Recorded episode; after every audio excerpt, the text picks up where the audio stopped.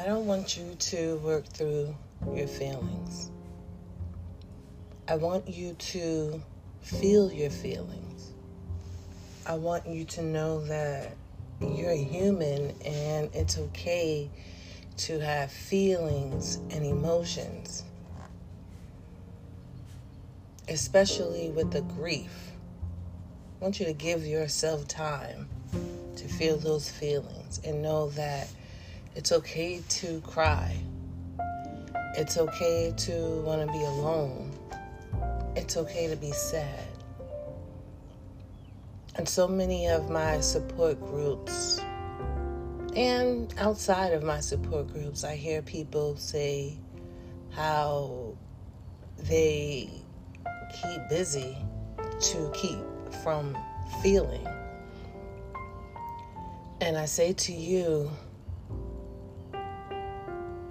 that isn't always the best choice. It isn't always healthy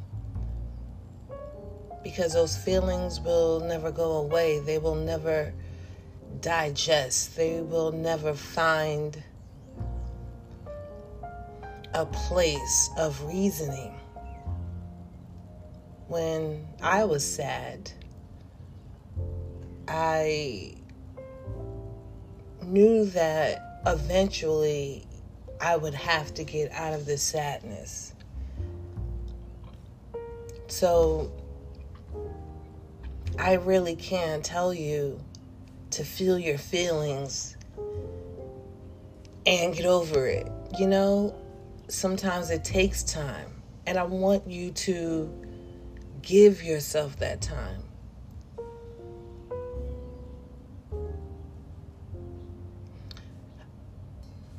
I want you to rest in that sadness, which is contrary to a lot of other beliefs.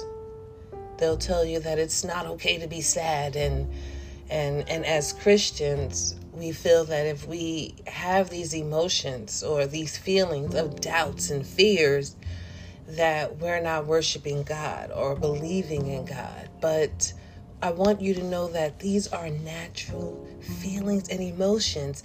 And it's so weird because we tell kids, we tell children to feel these feelings, but somehow as an adult, you're a non believer. Or, or, or you're, you, we're called names if we feel these feelings, and I want us to get away from that. Rest in those feelings try to write them out, try to reason with them. Um, spend time with those feelings. Try your best to understand them. And if you can't, that's when therapy and support groups and podcasts like this or YouTube channels, there's so many free resources out here and reach out to me if you feel like you've been in these feelings for too long.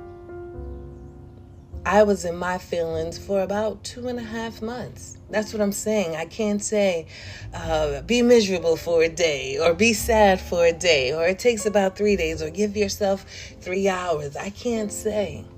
But I knew that in that period that I was going to have to make the steps to get out. And I knew where to go. The people were there.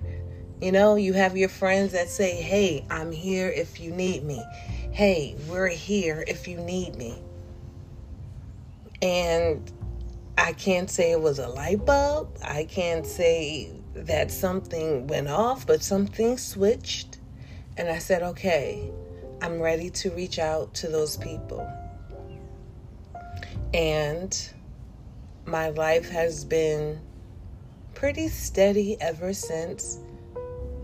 But I believe it's because I gave myself the time to feel. And so, no, I don't want you to work through your feelings. I want you to work with your feelings. I want us to learn how to live and be productive and be active and be a product of this society in a good way, but with feelings. Don't ever overwork to blind out or to silence your feelings. It's not healthy. And so let's navigate together. Let's navigate through working and living with our feelings.